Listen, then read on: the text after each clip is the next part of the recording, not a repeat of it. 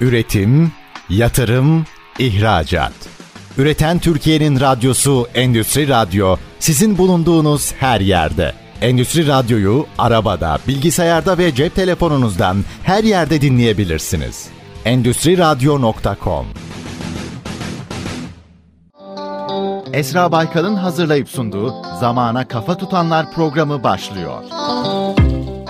Sevgili Endüstri Radyo dinleyicileri, bir Zamana Kafa Tutanlar programının 3. sezonunda yine birbirinden değerli konuklarımı ağırlamaya devam ediyorum.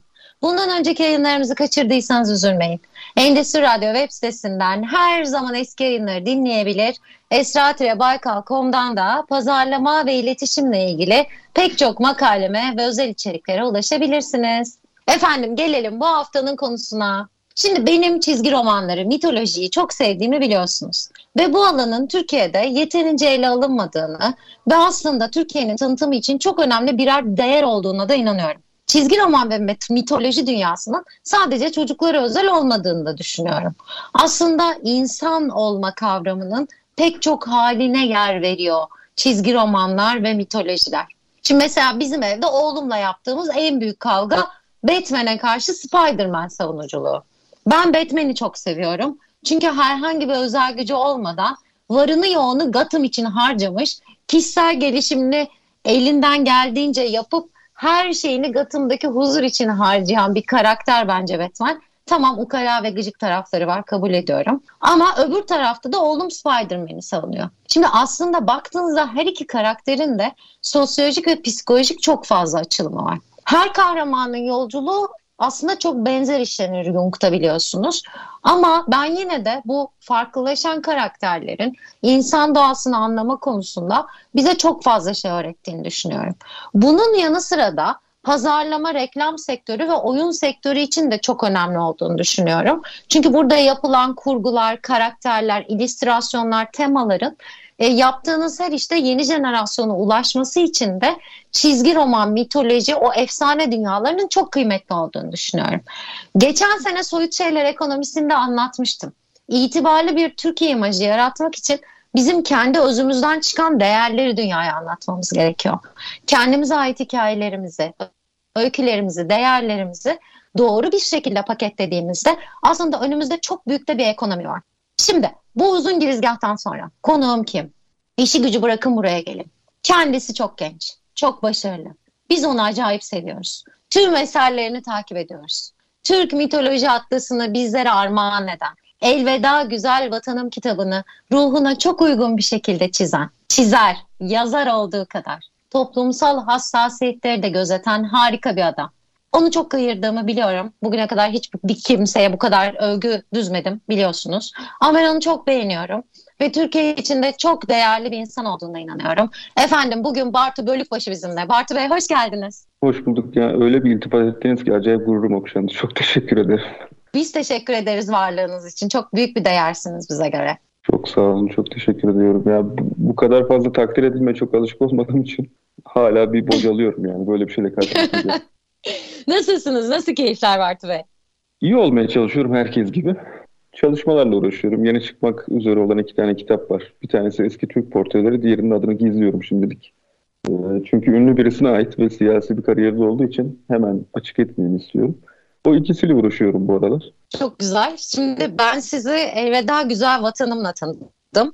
Çok kıymetliydi. Çünkü ben aslında bir Grange hayranıyım. Jean-Christophe Grange'in de pek çok kitabını okudum. Hatta hepsini okudum. Ve onun da kitapları bir süre sonra çizgi roman haline geldi. Ve aslında bir kitabın okunmasını ve etkisini artırmanın yollarından bir tanesinde bunun biraz daha çizgiye dönüşmüş halin olduğunu ben çok kıymetli olduğunu düşünüyorum. Çünkü biliyoruz ki aslında herkes böyle kalın kalın kitapları okumaktan keyif almıyor. O içerikten mahrum kalmamaları için bunun dönüştürülmüş halinin olması bence çok keyifliydi. Siz de çok güzel bir iş çıkardınız. Emeğinize sağlık. Şimdi ben sizi tanıyorum. Bütün röportajlarınızı dinledim. Sizi çok yakından takip ediyorum. Ama konuklarımız sizi hiç tanımıyor olabilir. Dinleyicilerimiz sizi hiç tanımıyor olabilir. O yüzden programın birinci bölümünde kısaca bir kendinizden bahsetmenizi, Elveda Güzel Vatanımın aslında başlangıç ve ortaya çıkış hikayesini anlatmanızı rica edeceğim. Zaten yeni çıkacak şeyleri söylediniz. Ben Gesar'ı da yeni bitirdim bu arada. O da çok deli bir şey. E, çok acayip etkilendim. Bir kısaca ondan da bahsedelim. Sonra ikinci kısmı da Türk mitoloji atlasına ayıralım istiyorum. Sizin için de uygunsa. Tabii uygun gayet. Yani şöyle başlayayım. Ben e, Aydın'da doğup büyüdüm. Annem babam doktor, babam nörolog, beyin doktoru. Annem farmakolog. Zaten içine doğduğum aile kültürü biraz sıra dışı bir kültürdü yani. Babadan dededen kalma e, garip bir ortam kurulduğu için biraz sıra dışı olduğunu söylemem gerekiyor. Mesela nereden baksanız 25 bin kitaplık falan çok sağlam bir kütüphanemiz vardı. Babam da kendi alanı dışında çok farklı alanlara meraklı olan bir adamdır. Yani 7-8 dil bilir, ne bileyim İspanyolca bilir, Rusça bilir, İbranice bilir falan. Çok garip e, merakları olduğu için eve de çok nitelikli eserler toplamış. Bir kısmı da kült eserleri, bir kısmı mitolojiyle alakalı. Bu doğrudan e, tarih bilimiyle, felsefeyle alakalı. Ya İncil arkeolojisi bile vardı evde. İncil arkeolojisi üstünden, Aramiler üstüne kitaplar falan bile vardı.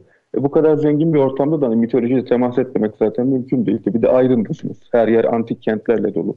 Yapacak çok fazla bir şey yok çünkü küçük bir tarım kentindesiniz. Öyle olunca sürekli hayal kurmaya başlıyorsunuz. Zaten eğitim hayatım da çok iç açıcı değildi. Çok fazla yer değiştirdik. Dört tane ilkokul değiştirdim galiba. Üç tane ortaokul, üç tane lise, iki üniversite falan. Yani eğitim hayatım sürekli sürüklenmekle ve bir yere ait olamamakla geçti. Öyle bir durumda da tamamen e, dikkatinizi kendi iş dünyanıza verdiğiniz için sürekli olarak hayal kurmaya başlıyorsunuz ve hayatı böyle bir hayal üstünden deneyimliyorsunuz. Sanırım o süreç içerisinde soyut düşünmek kapasitem biraz mitolojiyle iç içe geçmiş oldu. Yani ne kadar ben mitoloji arıyordum ya da mitoloji bana geldi o konuda net bir şey söyleyemiyorum bu içine doğduğum ortam yüzünden.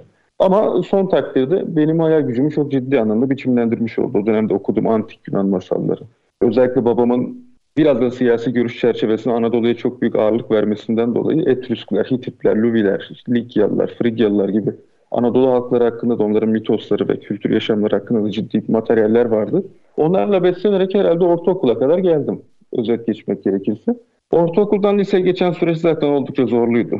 O dönemde bilgisayar oyunları çok fazla biçimlendirmişti. Yani zaten belli meraklarım e, oluşmuştu ama uzmanlık alanına dönüştürmem bunları biraz da şeyden oldu. Lisede ailem tabii büyük bir kısmı hukukçulardan, bir kısmı da doktorlardan oluşuyor. Öyle bir durumda beni de oradan oraya yönlendirmek istediler. Ya illa bunlardan birini olman gerekiyor. Bunun dışında hiçbir şey yapamazsın. Aslında kafalarında varsaydıkları durum şu.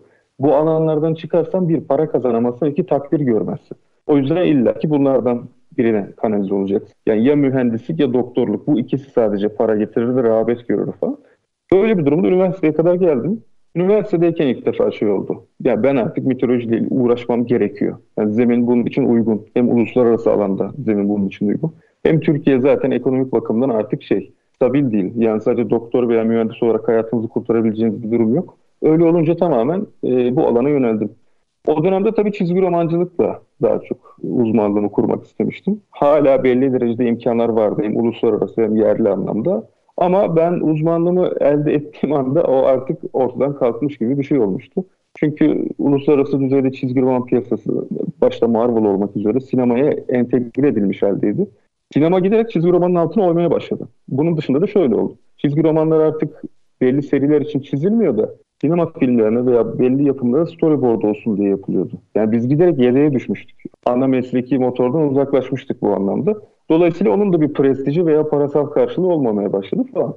E bu uzun süreç içerisinde henüz bir ekonomik belirleyicilikler ortada yokken ben o sırada Türk tarihiyle ilgileniyordum yakın biçimde. Ve özellikle de 19. yüzyıl. Yani Türk modernizasyon süreci, Jön Türkler, İttihat Terakki falan. Bu döneme daha yoğun okumalar yaparken o sırada Gezi direnişi patladı tabii. E, Gezi direnişinin önemli olan olaylarından biri de şuydu. Topçu kışlasının yaptırılmaması. Ya halkın ne yapıp edip oradaki yeşil alana topçu kışlasının bir yeni versiyonu yaptırtmama iradesi. Şimdi o dönemde tabii bu çok tartışıldı. Yani yapacağız, yapmayacağız gibi bir durum oldu. Fakat kimse Topçu Kışlası'nın ne olduğu hakkında fazla düşünmedi, konuşmadı. Aslında Topçu Kışlası 31 Mart'taki ayaklanmasının mabedi gibi bir yer. Yani o dönemde İttihat Terakki'ye karşı patlayan gerici ayaklanmanın merkez üssü gibi bir şey. Onun yeniden yapılması isteniyor aslında. Ve o dönemde hareket ordusu gelip dağıtıyor 31 Mart isyanı. Ortalığı şey e, bu bu tip bir isyandan kurtarmış oluyor. O bir semboldü yani Türkiye'de gericiliğin, gerici siyasi hareketin bir sembolüydü. Ben de özellikle Ahmet Ümit'in romanı okurken bunu düşünmüştüm. Yani muazzam bir roman tabii Elveda Güzel Vatan. Ya içimden şey diyordum ya bunu çizgi roman olmaya ne kadar müsait aslında kahramanlarıyla sahneleriyle. Zaten Ahmet Ümit'in kurgusu o kadar olağanüstü ki yani polisiye var bir taraftan bir taraftan tarih anlatısı var bir taraftan Kahramanların kendi psikolojik iç çekişmeleri var falan. Olağanüstü bir şey yani. Kız arkadaşımla konuşuyordum hiç unutmuyorum yani. Ya bunun çizgi romanı yapsam aslında müthiş olur falan demiştim. Ama hiç düşünmüyordum bu arada yapmayı. Sadece laf olsun diye söylemiştim. O da niye yapıyorsun o zaman dedi ya. Yani işim mi var şu an?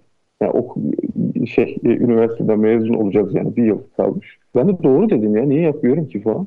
O sırada ailem şeydeydi Okan Üniversitesi'nde çalışıyorlardı. Okan Üniversitesi'nin sahibi Bekir Okan da doğrudan arkadaşı şeyim Ahmet Ümit'in. Oradan kendisinin kişisel mailini almıştım. Öyle bir sunum yaptım önce. Dedim ki ben böyle bir şey yapmak istiyorum bu kitabın çizgi roman olmaya çok uygun bir aday falan. Kendi portfolyomu yollamıştım. O da sağ olsun geri dönüş yaptı ve bu sürecin önünü açmış olduk. Ya Beyoğlu'nu sokak sokak gezdirmekten tutun işte bir yere oturup saatlerce kahramanlar hakkında bana bilgi vermesi falan muazzam bir yardımda bulundu. Onun sonucunda da ikimiz de gayet memnun edecek nitelikli bir eser çıkmış oldu. Benim de ana amacım olan aslında Gezi direnci sırasında Topçu Kışlası'nın ne anlama geldiğini nitelik bakımından anlatmak için uygun bir eser oldu ortaya çıkan şey. Bu ilk eserimdi. Yani profesyonel olarak piyasaya girdiğim ilk iş buydu benim. Ondan sonrasında 6 aylık bir Prag maceram Çek Cumhuriyeti. Orada tabii büyük umutlarla Avrupa'ya gidiyorsunuz tip, tipik bir Türk ekspatı olarak. Tabii karşınızda bulduğunuz sahne Türkiye'de idealize ettiğiniz gibi değil. Onu anlayınca bir de benim temel kültürel beslenme alanlarımın bu topraklar olduğunu anlayınca. Çünkü oraya gidince böyle bir şey kökünden koparılmış bir şeye döndüm yani. Hiçbir şekilde motive olma şansım kalmadı. Ya dedim ki ne olursa olsun bu ülkede kalmam gerekiyor. Yani bütün soyutlama kapasitemin temelinde bu ülke var aslında. Bu ülkenin gerilimleri, güzel ve kötü tarafları. Bir bütün olarak burada. Dolayısıyla 6 ayın sonunda gittiğim kurumla da bir türlü zaten ortaya bulamadığımız için e, geri döndüm. O sırada şey patlamıştı. Bütün dünyada Witcher serisi patlamıştı. Polonyalı yazar Andrzej Sapkowski'nin.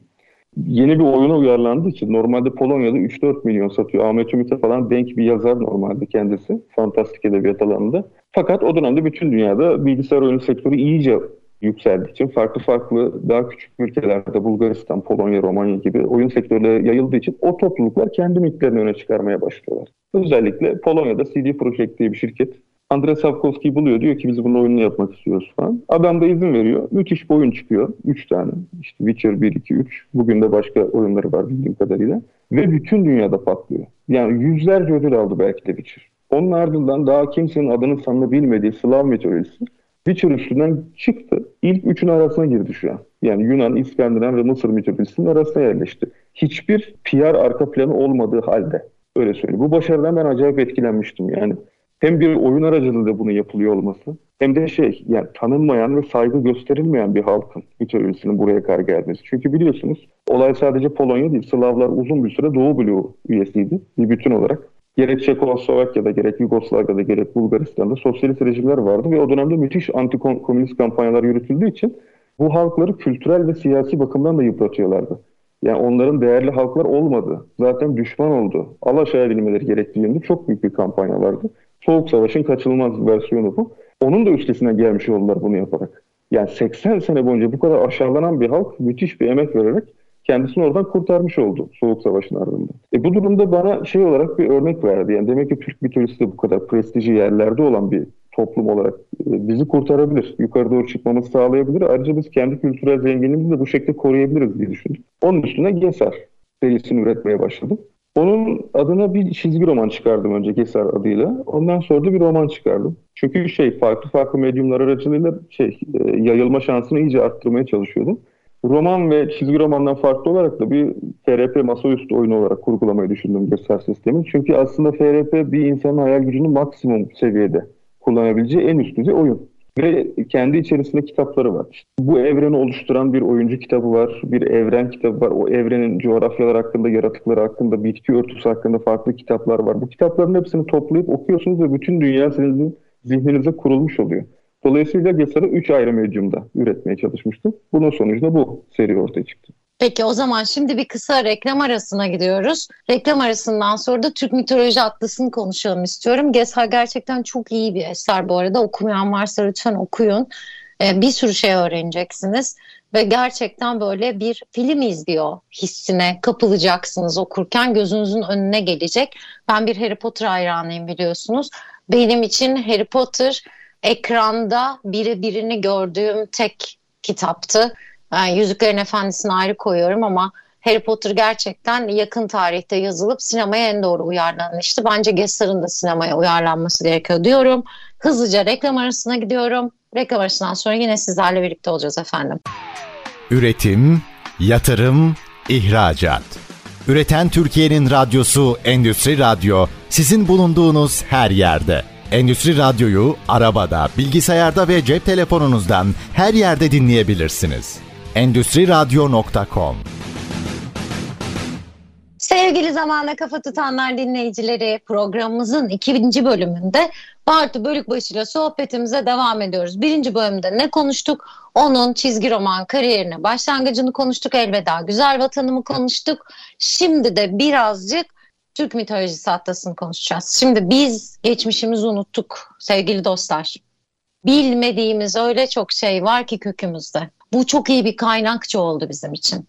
Ve Bartu Bey bunu hazırlarken pek çok akademik kaynaktan da faydalandı değil mi? Rusça, İngilizce bir sürü kaynaktan evet. da faydalandınız. Ve benim de aslında unuttuğum bir sürü şey hatırlattınız bize. Neydi Türk mitolojisi atlasının amacı? Birinci bölümde biraz bahsettiniz ama kaçıranlar için böyle küçük bir toparlayalım rica ediyorum. Sonra da detaylara girelim lütfen. Şöyle söyleyebilirim aslında. Gesar'ı ortaya çıkardıktan sonra hem Türk mitolojisinin merkezinde olduğu bir Avrasya mitosu olarak kurgulamıştım onu. Ee, içerisinde ilk romanda siz okuduğunuz için sık sık karşılaşmışsınızdır. Slav mitolojisinden, Çin mitolojisinden, işte İran ve Hint mitoslarından da bazı yaratıklar, belli motifler var. Fakat bir noktadan sonra şunu fark ettim. Toplum o kadar belleğinden silinmiş ki Türk mitolojisi. Algılayamıyor zaten. Yani Gesar'da bahsedilen motifleri de algılayamıyor. Dolayısıyla mitoloji temas kurma gibi bir mantığı yok. Tabii bunun arkasında çok e, köklü sebepler var. Şu an giremeyeceğim. Girdiğim takdirde saatler bulur konuşmamız ama orada şunu fark ettim. Herhangi bir fantastik seriyi bile Türkiye'de başarılı olmasını sağlamadan önce mitolojinin geniş bir bilinirliğe kavuşması gerekiyor her şeyden önce. Dolayısıyla oturup e, Türk mitolojisini sıfırdan hani bir sistem olarak inşa etmeye koyuldu. Çünkü o kadar parça pinçik ve dağınık haldeydi ki bu haliyle herhangi bir şeye rekabet etme şansı zaten yoktu. Öncelikle şunu söyleyebilirim. Türk mitolojisi sanıldığının aksine malzeme bakımından zayıf değil. Hatta şaşırtıcı derecede zengin. Ben ilk bu işe başladığımda böyle bir önyargıyla hareket ettiğimi söyleyebilirim. Çünkü literatür o sadece çeviriye dayalı ve pek yorum yok. Biliyorsunuz bizde ne müzikte ne akademik alanda yorum yoktur. Yorum yapmaya korkan bir kültürüz. Çekiniyoruz çünkü garantici geliyor. Yorum yapmadan var olan tekrar edip durmak. E, Türkiye'deki akademilerin durumu da o. Bekleye bekleye olmayacağını fark ettim öyle bir atmosferde. Çünkü bir tür siyasi karartma da var Türk mitolojisi üstünde. Yani açığa çıkılması, toplumsal profilin bozulmaması adına istenmiyor. Yani devletin belli çekinceleri var. Toplumda atıyorum devrimci ideolojilerin yayılmasını istemediği gibi. Bir taraftan da makul vatandaş tipini bozacak herhangi bir unsur da istemiyor. Tek tük sadece belli eserler var. Onlar da çok yanlı.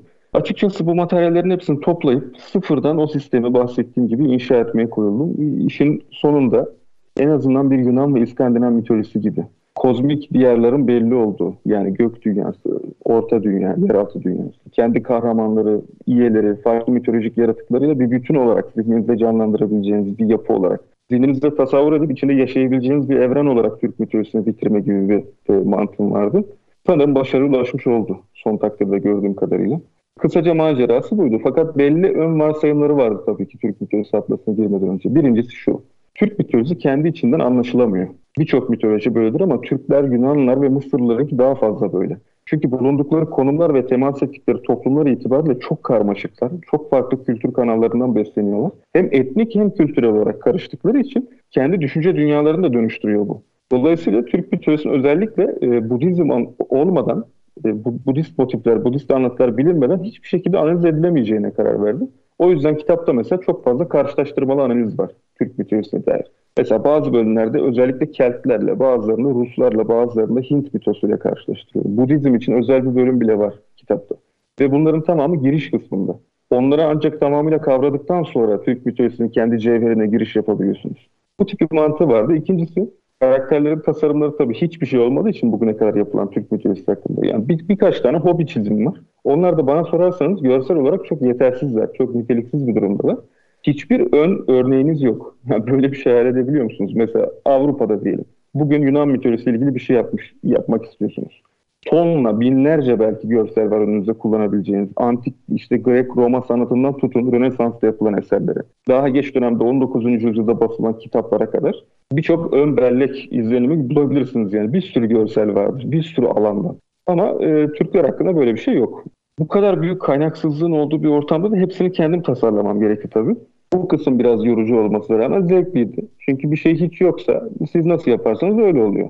Şimdi anlatılarda kural gereği çok fazla detay yoktur. Mesela Ülgen'den bahsedildi. Fırtına Tanrısı Türk mitolojisindeki. Ülgen'i sadece büyük bir gürz veya balta kullanan iri yarı, devasa boyutlarda beyaz saçlı bir ihtiyar olduğundan bahsedilir. Bazı yerlerde sa- saçı sakalına karışmış. Ama giysisi şöyleydi, zırhı böyleydi, saçında böyle örgüler vardı, göz rengi şuydu diye bir şey görmezsiniz. Dolayısıyla o kısmı kendiniz yaratmanız gerekiyor.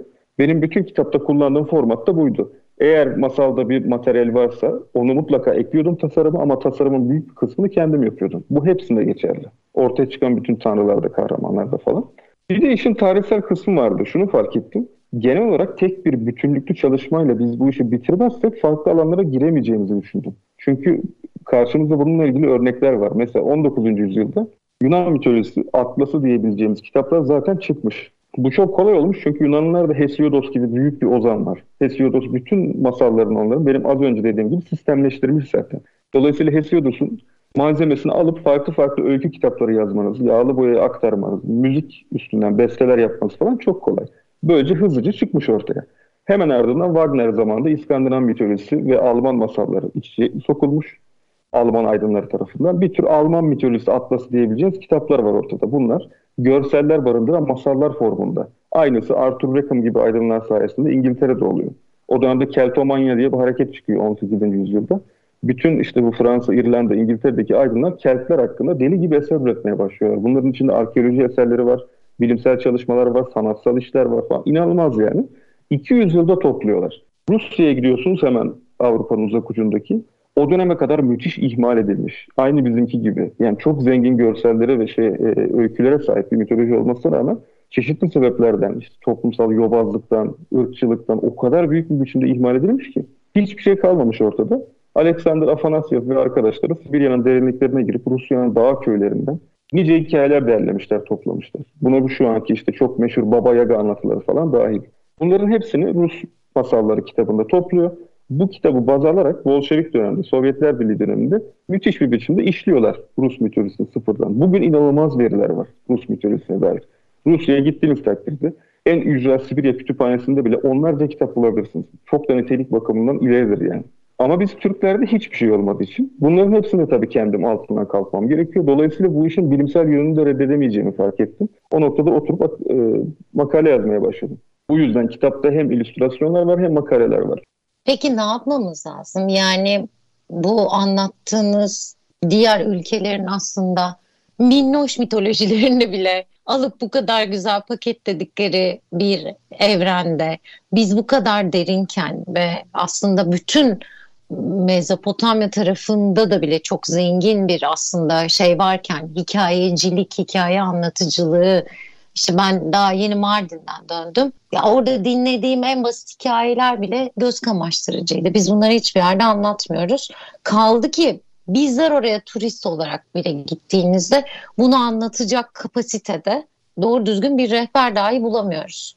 Geçtim makaleyi, çizgi romanı, televizyon programını, işin markalaşma tarafını. Ne yapmamız lazım bizim bu mitoloji, çizgi roman ve aslında gerçek kökümüzü, değerimizi anlatma konusunda? Aslında bunu şu an iyi başardığımız bir döneme girdiğimizi söyleyebilirim. Çünkü az önce bahsettiğim sahnede şöyle bir durum var. Devlet bir şey yapmazsa bütün toplum bundan mahrum oluyor. Ama şu an internet olduğu için küresel pazara doğrudan entegre olabiliyorsunuz. Böyle bir durumda devleti hiç beklemeden kendi kendinize çok küçük girişimlerle çok büyük işler yapabiliyorsunuz. Aslında Atlas biraz öyle. Yani Atlas'ı benim yapabiliyor olmam biraz dışında doğduğum zamanla ilgiliydi. 1970'lerde olsa ben muhtemelen o Atlas'ı yapamayacaktım. Her şeyden önce o çeviri bilgilere sahip olmayacaktım. Bu kadar geniş kaynak kullanmam mümkün değildi.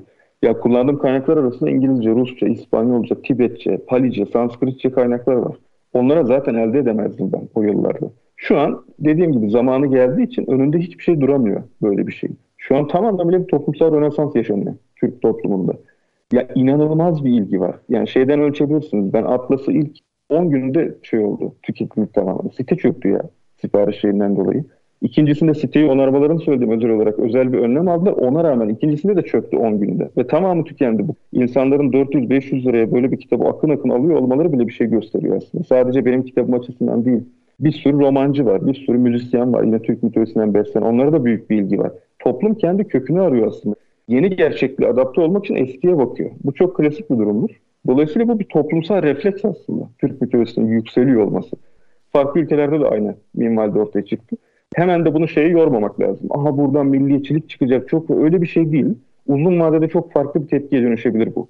Çünkü böyle bir konsept üstünden çok daha toplumcu, çok daha çevreci bir noktaya da gidebiliyorsunuz. Bu biraz onun neye dönüşeceğine, refleksin neye dönüşeceğiyle ilgili. Ne yapacağız konusuna geri dönersek, şu anda aslında bence doğru olanı yapıyoruz zaten. Farklı medyumlarla küresel pazara girmiş durumdayız. Türk mitolojisi haftası bunlardan biri. Seneye İngilizceye çevrilmiş olacak. Dolayısıyla Türkiye zaten hiç ilgilenmediği için kendi mitosunu İngilizce çevirip başka birilerine aktarmaya. Bunu ilk yapan ben olursam benim aktardığım formüle bilinecek yurt dışında da. Ve çok bütünlüklü bir eser olacak. Dediğim gibi Türk mitolojisi haftasının bir benzeri aslında tam olarak yok dünyada. Ona yakın bazı kitaplar var.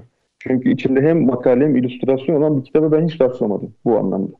Ya öyküler var ya da hiçbir şey yok. Sadece görsellerin olduğu bazı versiyonlar var. Mesela Johan Egerkrans var İskandinavya'dan. Norveçli bildiğim kadarıyla kendisi.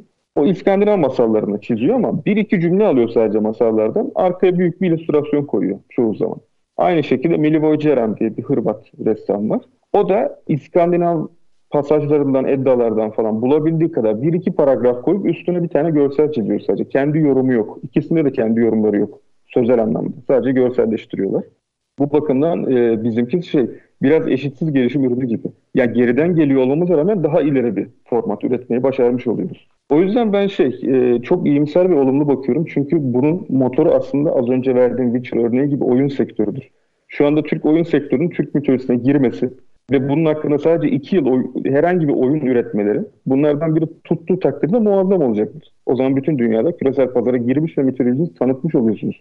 En büyük örnekleri de mesela şu an popüler olan God of War. God of War 3 Ragnarok mesela bütün dünyaya salladı. Şu an İskandinav mitolojisini bilmeyen herhangi bir insan yok. Yani şeyde bile Sahra altı Afrika ülkelerinde bile PlayStation alabilecek kadar zengin olan çocuklar İskandinav mitolojisini biliyorlar şu an. Bu muazzam bir güç ve sadece oyun sektörü üstünden geliyor.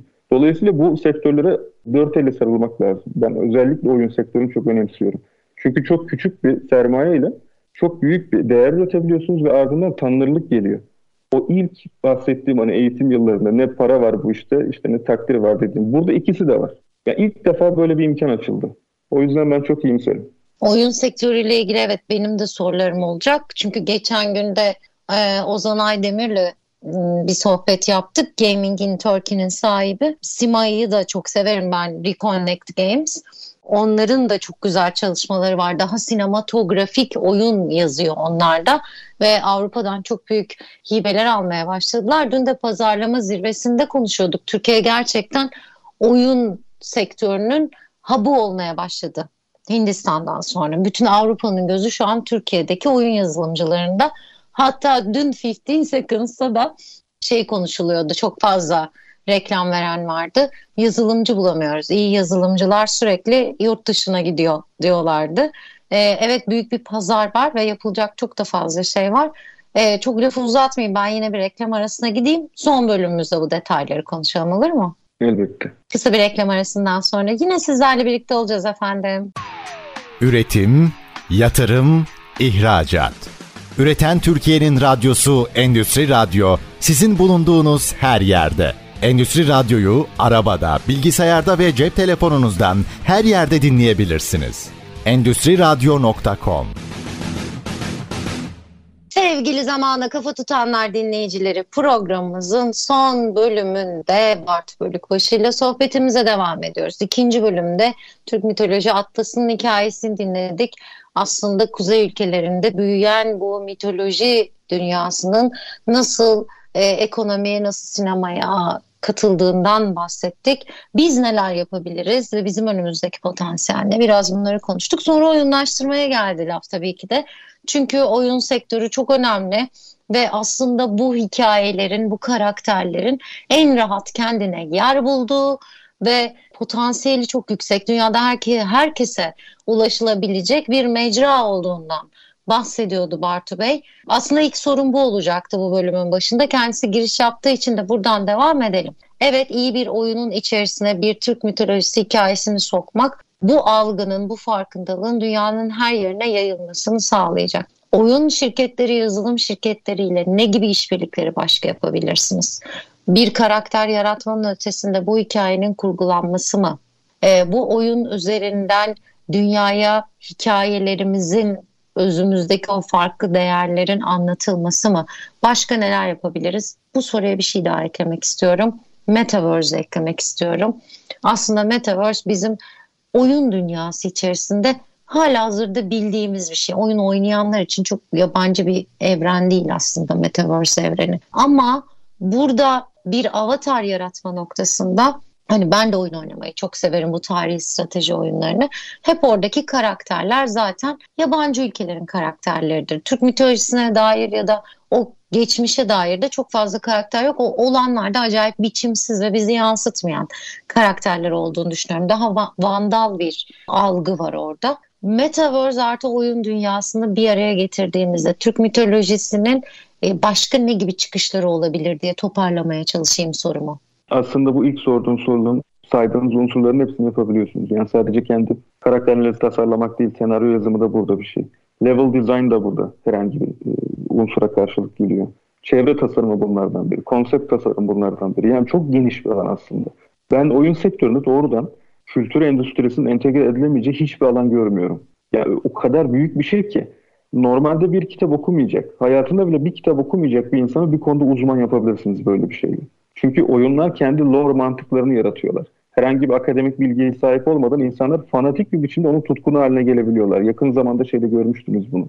Amazon Rings of Power diye bana kalırsa berbat bir dizi yaptı. Ve orada e, Yüzüklerin Efendisi hayranlarının tepkilerinden bunu görebiliyorsunuz. Ya 15 yaşında adam eleştirirken siz şuraya şöyle yapmadınız, buraya böyle yapmadınız derken Tolkien'in 1950'deki İrlanda'daki mektuplarına referans verip İrlanda coğrafyasında neyi beğendiğini falan söylüyor. Adam bunun aracıyla İrlanda coğrafyasını falan öğrenmiş ya. 15 yaşındaki çocuk. Ya bu bile bence çok sadece sadece kültürel şeyleri öğretmek değil yani çıktığınız örnekten yola çıkarak yanıt vermek istiyorum. E, Minecraft Minecraft ya bloklardan bir e, ölümsüz evren inşa eden çocuklar Minecraft'la ilgili binlerce ipucu, binlerce kod, binlerce yeni evren, kitaplar, eserler çıktı. Yani ben Minecraft'ı beceremiyorum diye özendiğim için şey yapmıyorum. Gerçekten böyle oyun kültürü, onun içinde var olan insanlar bambaşka ekosistemler ve hikayeler yaratıyorlar değil mi? Kesinlikle ben şeye de çok önem veriyorum ya. Yani Minecraft örneğinden yola çıkmak gerekirse kullanılan renkler üstünden grafiker ve illüstratör olmaya e, yönelen bir sürü insan var oradaki sistem yüzünden yazılımcı olmak isteyen, oyun işte yapımcısı olmak isteyen, farklı farklı meslek dallarında doğrudan entegre olabilen bir zemin var orada. Dolayısıyla yani bazı ebeveynlerde şey olayı var ya işte çocuğum oyun oynuyor bu çok zararlı bir şey. Hayır bu tam tersine çok yararlı bir şey. Orada kendisini tüketmediği sürece tamamen kendi hayatını sosyal alanını tüketmediği sürece bu çok olumlu bir şey. Çünkü hayal gücünü hiç farkında olmadığı alanlarını çalıştırıyor ve oradan çok farklı mesleklere de yönelebilir o. Ya bugün atıyorum az önce söylediğiniz yazılım mühendisi, katma değerleri en yüksek topluluklardan biri. Ya hepsi mi gamer olur ya? Hiçbirisi oyun şeyinden geçmeden oraya gelmemiş mesela. Hepsi illa bu gamerlık tezgahından geçiyorlar belli bir noktada. Bu biraz da şey ya direnemeyeceğimiz postmodern endüstrinin bir parçası. Yani artık e, özellikle Türkiye gibi döviz krizi yaşayan ülkelerin bunu aşmasının tek yolu bence oyun sektörü, kültür endüstrisi. Tamam belli bir ölçüde devlet destekli tarım da bunun içinde. Ama bu kadar kısa sürede bu kadar yüksek derecede döviz çekebilecek tek unsur yine oyun sektörü. Yani Peak Games'in satılışının ardından o kadar yüksek bir dolar meblağı girdi ki ülkeye. Ülkedeki şey ibreler oynadı ya. Doların kendi ibresi oynadı ülke. Türkiye hiçbir anlamda bu kadar şey e, hızlı biçimde döviz alma şansı yok. Böyle bir personel yetiştiremez zaten. Bir de işin güzel tarafı oyun sektöründeki insanlar %80 kendi kendilerini yetiştiriyorlar. Yani otodidak insanlar bunlar. Piyasada çoğu alaylı olarak yetişiyor. Bir kısmı bizim okuldaki kreatif departmanlardan çıkıyor. Yani işte çizgi film animasyon gibi, grafik tasarım alt dalları gibi. Bu açıdan bence şey çok uygun. Yani modern, postmodern endüstriye adapte olmaya, bunun ihtiyaçlarına cevap vermeye çok uygun bir alan. Metaverse için ne düşünüyorsun? Ne olacak orada sence? Ya açıkçası ondan önce şeye belki de girmek lazım. Metaverse hakkında çok fazla bilgim yok çünkü bilmediğim bir alanda çok cesur konuşmak istemem. Fakat zamanla dijitalleşen üretimin büyük bir kısmını, yani buradaki dijital tüketim hacminin büyük bir kısmını kendi içine çekeceği belli. Şu an için o noktada değil. kendi izlediğim e, videolarda okuduğum bazı analizlerde henüz erken olduğu söyleniyor bunun için. İlk başta büyük bir yaygara koparıldı falan ama şu an tam oraya ulaşacak gibi değil. Bence zamanla gelecek. Birçok kişinin aksine asla gelmeyeceğini söylemiyorum. Fakat bu tip alanlarda büyük patlama riskleri de var biliyorsunuz. Şu an Bitcoin'lerini görüyorsunuz mesela. Ya buradan son iki yıldır nasıl gelirler elde edildi? Şu an geldiği nokta facia. Dolayısıyla biraz temkinli olmak lazım. Metaverse'ün mantığıyla birlikte oradan çıkartıp şunu söyleyebilirim. Bana kalırsa oyun tasarımına geleceğimde içinde bağımsız bir şekilde hareket edebileceğimiz açık evrenler var. Şu an zaten oraya doğru gidiyor belli bir noktada. Ya bir noktadan sonra sanırım biz kendi level'ları olan, kendi öyküleri, anlatıları olan oyunlar yapmaya bırakacağız. Ve içeride insanların gezebilecekleri evrenler kuracağız. Mesela ben Türk mitolojisinin evreni oluşturacağım, atıyorum. Herhangi bir oyun aracılığıyla. Ve e, oyuncular doğrudan evrene dahil olup orayı keşfederek oynayacaklar gibi görünüyor. Şu anda böyle bir talep var. Açık evren sandbox sisteminde çok yüksek hızlı bir ivme var oyun sektöründe. Bunun sebeplerinden biri de son dönemde çıkan en ünlü iki oyun yani Witcher ve God of War'un ikisinin açık evren sisteminde olmasıydı. Sanırım durdurulamaz bir eğilim bu. Peki. Şimdi biliyorum ki sosyal hassasiyetleri de yüksek bir insansın. Yani röportajlarında aslında daha doğru bir politika, daha doğru bir hayvancılık, tarım, doğa. Aslında Türkiye'nin hak ettiği yere gelmesiyle ilgili de çok fazla açıklama yapıyorsunuz. Bu noktada şunu sormak istiyorum. 5 yıl içerisinde, önümüzdeki 5 yıl içerisinde Türkiye'nin devletten, kamudan gayrı bir soru aslında bu. Bu firmalar olabilir, bu bizler olabiliriz, bireyler olabiliriz. Ön plana almamız gereken bir kendimiz ve yaşadığımız ülke için başarı kriteri haline getirmemiz gereken, dikkat etmemiz gereken konular neler? Önceliklerimiz neler olmalı sana göre? Buna verebileceğim ilk cevap bütün iş kollarında çalışan tüm emekçilerin, tüm çalışan sınıfların örgütlü olması. Sendikalar ve siyasi partiler aracılığıyla. Türkiye'nin en büyük problemi kendi çalışan sınıfın kendi çıkarını müdafaa edeceği organizasyonlara sahip olmaması.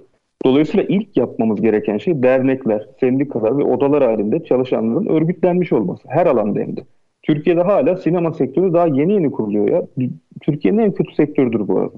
Yani çalışması Biz en geçen zor. hafta başladık. Reklamcılar olarak geçen hafta sendikalaşmak için Tebrik toplandık yani.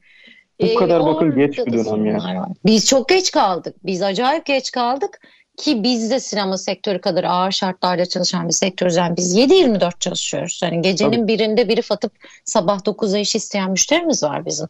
Ama e, mesela bizi de sinema televizyonun altında sendikalaştırmaya çalışıyorlar ama o da bana çok mantıklı gelmiyor. Ama sendikalaşma konusuna katılıyorum. Gerçekten çünkü emek sömürüsüne çok açık sektörler bunlar. Diğer e, ABD gibi, Kanada gibi ülkelere baktığınız zaman sermaye sınıfının genellikle bu yapay zeka, bilişim sektörü, bu tip alanları çok fazla takip ettiğini görüyorsunuz. Çünkü küçük bir sermayeyle büyük değerler alabiliyorsunuz. Sadece risk büyük. Ben biraz bunun çok boyutlu olduğunu düşünüyorum. Yani bir taraftan evet çalışan sınıfların örgütlü olması gerektiğini düşünüyorum. Bu kesin ve en büyük sorunlarımızın temelinde bu var. Bu işin üstüne bence daha net düşünmemiz gerekiyor. Her zaman kavga ettiğimiz, belki bazı uyarını benimsemediğimiz Almanya'nın çalışma koşulları müthiş. Yani sadece hafta sonu işçisini aradığı için hapse giren patron var ya. Bizim bu düzeye gelmemiz lazım. Ya hafta sonu Angarya yüklemeye çalıştığı için kendi işçisine adam hapse giriyor. Türkiye'deki Evet, duruma bakın. Türkiye'de ekstra iş yapmayan, Angarya yapmayan, işte hafta sonları çalışmaya kalmayan sektör yok zaten. En fazla da beyaz yaka sektörlerinde böyle. Ya eve Doğru. iş kitleme durumu Türkiye kadar fazla yoktur hiçbir ülkede. Açıkçası. Doğru. Bu kadar esnek çalışma mantığı. İnsanlar üniversite mezunu, grafik tasarım departmanı. İyi bildiğim için söylüyorum bu kısmı. Grafik tasarımda müthiş bir eğitim alıyorlar. Gerçekten. Bizim okul da öyle. Marmara falan böyle de mesela. İnanılmaz bir eğitim alıyorlar. Çıkıyorlar asgari ücretin yarısına staj yaparak çalışıyorlar. Yıllarca, yıllarca. Yani sizi doğrudan e, senior, junior olarak alma gibi bir durumları yoksa, onları buna zorlayamıyorsan sizi bir ömür bile çalıştırabilirler stajyer olarak. İnsanlar İstanbul'a gidiyorlar. 4-5 yıl e, 6-7 kişilik evlerde kalıyorlar kendi işlerinde. Peki son bir dakikamız var. Soramadığım bir sürü soru var. Ee, o yüzden son soruma geçeyim. Herkese sıkça sorduğum soruya geçeyim. Ee, bunu da hızlıca sizden rica edeyim. Gelecek yıllar için hayalleriniz ne? Bunu da son bir sizden duymak isterim. Tabii gelecek yıllarda en azından şu an şikayet ettiğim bütün sorunların uygun bir şekilde çözüleceğini hayal ediyorum. Umarım da çözülecektir. Bu konuda çok iyimserim bu arada. En azından Türk mitolojisinin önümüzdeki 10 yıl içerisinde ben hak ettiği yeri alacağına eminim. O hatta biliyorum bile diyebilirim artık. Bu kadar açık ifade edeyim. E, çünkü yapılması gereken her şey şu an bağımsız insanlar tarafından yapılıyor sektörde. Daha da fazlası yapılacaktır. Saydığım başka alanlara da girilecektir. Müzik alanı gibi, oyun sektörü gibi farklı kültür endüstrilerini.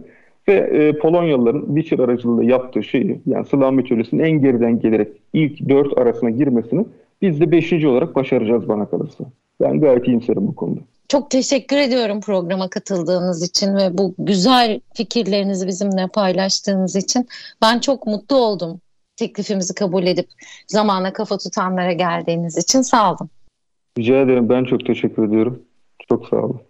Sevgili zamanda kafa tutanlar dinleyicileri bir programın daha sonuna geldik. Önümüzdeki hafta yeni konu ve konuklarımla sizlerle birlikte olacağız. Görüşmek üzere efendim. Hoşçakalın.